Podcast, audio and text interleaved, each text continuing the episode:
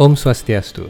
5000 tahun bukan waktu yang singkat bagi perjalanan sejarah Mahabharata untuk tersebar luas di berbagai kalangan manusia. Sejarah maha besar itu terpecah menjadi sekian keping ke dalam budaya-budaya manusia yang berbeda-beda. Memasuki peradaban mereka dan bersemayam dalam balutan mitos, dongeng, dan legenda dari bibir-bibir para penyair.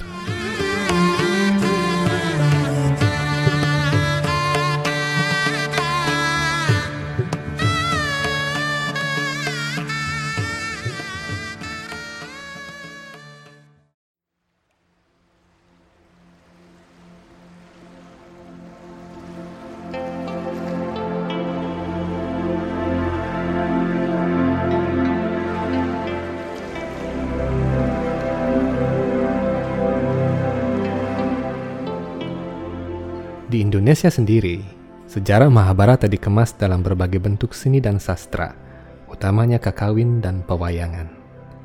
Di daratan Mesopotamia, di daerah Iran kini, perang besar di Kuruksetra dikenal sebagai perang besar antara ras-ras manusia yang perkasa dan menghancurkan semua peradaban kala itu.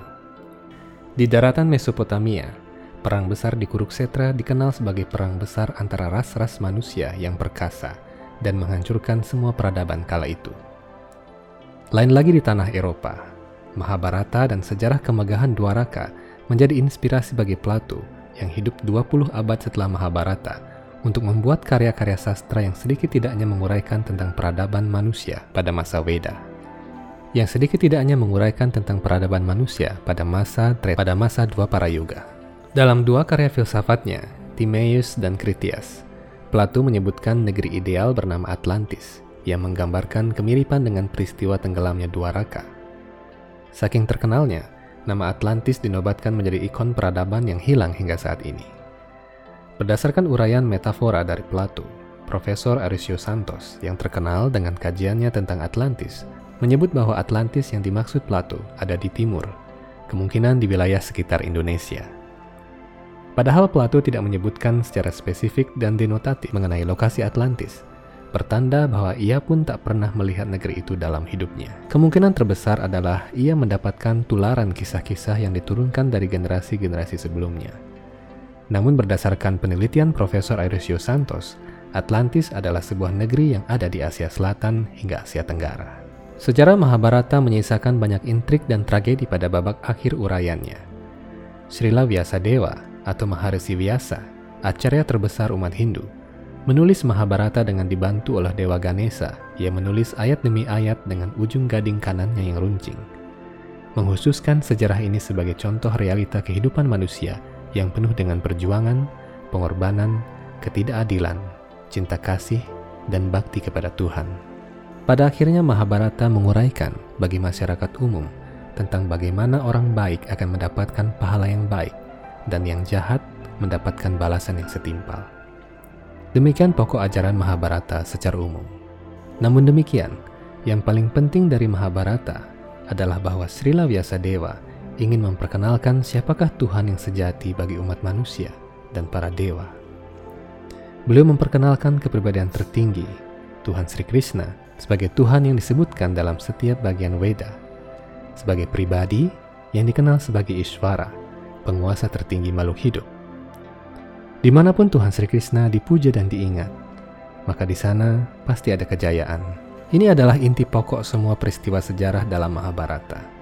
Namun sayang sekali, justru inti ajaran ini yang kini banyak dilupakan orang, atau bahkan sengaja dihilangkan. Salah satu intrik yang paling kerap diperdebatkan dan dipertanyakan adalah mengenai bagaimana akhir kisah perjalanan para Pandawa. Banyak versi bergulir mengenai kebenaran peristiwa ini. Film seri Mahabharata tahun 80-an oleh B.R. Kopra tidak menayangkan bagaimana akhir perjalanan para Pandawa seusai perang di Kuruksetra. Akan tetapi kita masih bisa melihat bagian akhir babak sejarah ini dalam tiga kitab utama, yakni Veda Mahabharata, Haribamsa, dan Bhagavata Purana. Jadi dalam membahas topik ini, ketiga kitab suci itu digunakan sebagai sumber rujukan. Selama ini kebanyakan orang mendapatkan sumber mengenai kisah Mahabharata dari kisah pewayangan atau kakawin. Sebuah kakawin panjang dari abad ke-12 bertajuk Barata Yuda mengisahkan peperangan di Kuruksetra dengan detail yang hampir menyerupai Mahabharata menurut aslinya. Entah sebab apa, belakangan kakawin ini sudah sangat jarang sekali dibacakan di tempat-tempat suci saat piodalan. Kemungkinannya adalah bahwa sudah semakin sedikit warga masyarakat yang memahami teknik menyajikan kakawin dengan tepat, apalagi kakawin sepanjang Barata Yuda. Dalam naskah kakawin ini, dinyatakan bahwa perjalanan para Pandawa berujung pada kematian mereka satu persatu. Sumber dari kakawin ini banyak mendapat imbuhan dari para sastrawan dan pujangga yang menggubah Mahabharata ke dalam banyak versi. Kronologinya secara umum adalah sebagai berikut. Setelah mengangkat Pariksit menjadi Raja Hastinapura, kelima Pandawa bersama istri mereka, Drupadi, berangkat menuju Himalaya. Di tengah perjalanan, Drupadi menemui ajal karena jatuh dari ketinggian. Kemudian Sahadewa menyusul, lalu Nakula, Arjuna, dan akhirnya Bima. Pada akhirnya tinggal Maharaja Yudhistira yang berjalan seorang diri, mendaki lereng Himalaya yang bersalju, dengan hanya mengenakan kain linen dan sebatang tongkat. Seekor anjing dengan setia menemani perjalanannya hingga ke puncak Himalaya. Tatkala Maharaja Yudhistira sampai di puncak, beliau melihat Dewa Indra dengan kereta surgawinya. Dewa Indra berkata kepada Maharaja Yudhistira bahwa waktunya sudah tiba untuk berangkat menuju Swarga Loka. Maharaja Yudhistira adalah kandidat yang tepat untuk dapat menaiki kereta dan berangkat ke sistem planet Swarga Loka. Sayang sekali, Dewa Indra tidak memperkenankan Maharaja Yudhistira membawa serta anjing yang selalu setia mengikutinya. Atas penolakan ini, Maharaja pun menolak untuk pergi ke Swarga Loka. Pada akhirnya anjing ini menunjukkan wujud aslinya sebagai Batara Yama, penguasa kematian, yang adalah ayah Maharaja Yudhistira sendiri. Atas karunia Dewa Yama dan Indra, Maharaja Yudhistira diperkenankan menaiki kereta dan berangkat menuju kerajaan surga. Sesampai Maharaja Yudhistira di Amarawati, ibu kota kerajaan surga, bersama dengan ke-99 saudaranya, tengah bersantai di alun-alun bersama para widyadhari. Dia melihat Bisma bersama para wasu, golongan para dewa, karena bergabung bersama para penduduk Surya Loka dan kesatria-kesatria yang bergabung bersama para Kaurawa menikmati kemewahan dan kemegahan surga yang gemerlap dan sangat menyenangkan.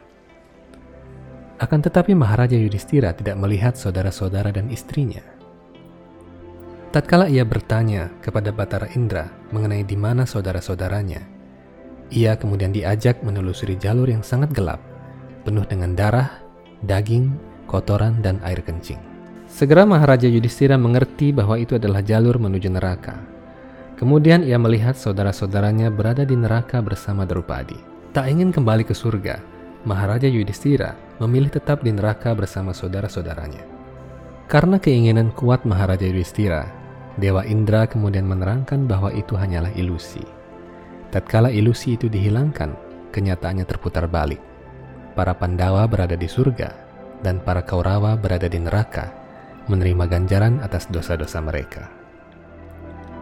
Demikian akhir Mahabharata menurut versi kesusastraan yang banyak mendapatkan tambahan dan perubahan oleh para penyalin dan penerjemah sehingga menjadi cukup berbeda dengan Mahabharata sesuai kenyataan sejarahnya yang ditulis oleh Maharsi biasa. Lalu bagaimanakah sebenarnya akhir dari perjalanan para Pandawa menurut Mahabharata yang ditulis langsung oleh Maharsi biasa? Apa saja yang membuatnya berbeda? Nantikan pembahasannya di bagian kedua dari akhir perjalanan para Pandawa hanya di Hindu Times Channel. Sampai jumpa di episode berikutnya. Om Santi Santi Santi Om.